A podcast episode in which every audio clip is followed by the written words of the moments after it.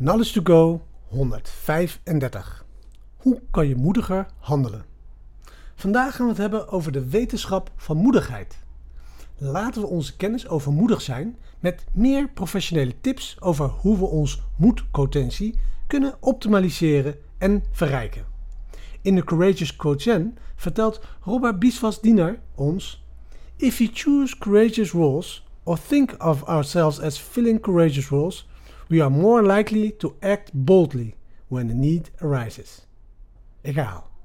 If we choose courageous roles or think of ourselves as filling courageous roles, we are more likely to act boldly when, when the need rises.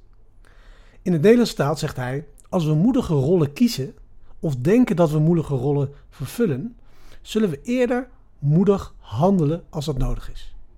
Dus als we moedige rollen kiezen, of denken dat we moedige rollen vervullen, zullen we eerder moedig handelen als dat nodig is. Hij geeft ons een mooi voorbeeld. Hiervan is de actie van de negenjarige Lin Hao uit Suzhou, China, een goed voorbeeld van. Op 12 mei 2008 werd Suzhou getroffen door een aardbeving met een kracht van 8,0 op de schaal van Richter waarbij gebouwen werden verwoest en meer dan 69.000 mensen omkwamen. Dit was één van de meest tragische verliezen op die dag. Er werden talloze kinderen van wie schoolgebouwen instortten gingen verloren. Lin Hao zat op zo'n school en hij kon twee van zijn klasgenoten uit de tweede klas uit het puin redden voordat hij zichzelf redde.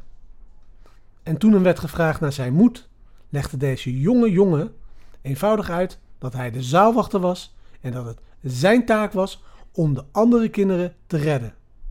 Lin Hao werd al snel een symbool van deugdzaamheid in China en hij leidde de openingstoet van de Olympische Zomerspelen van 2008.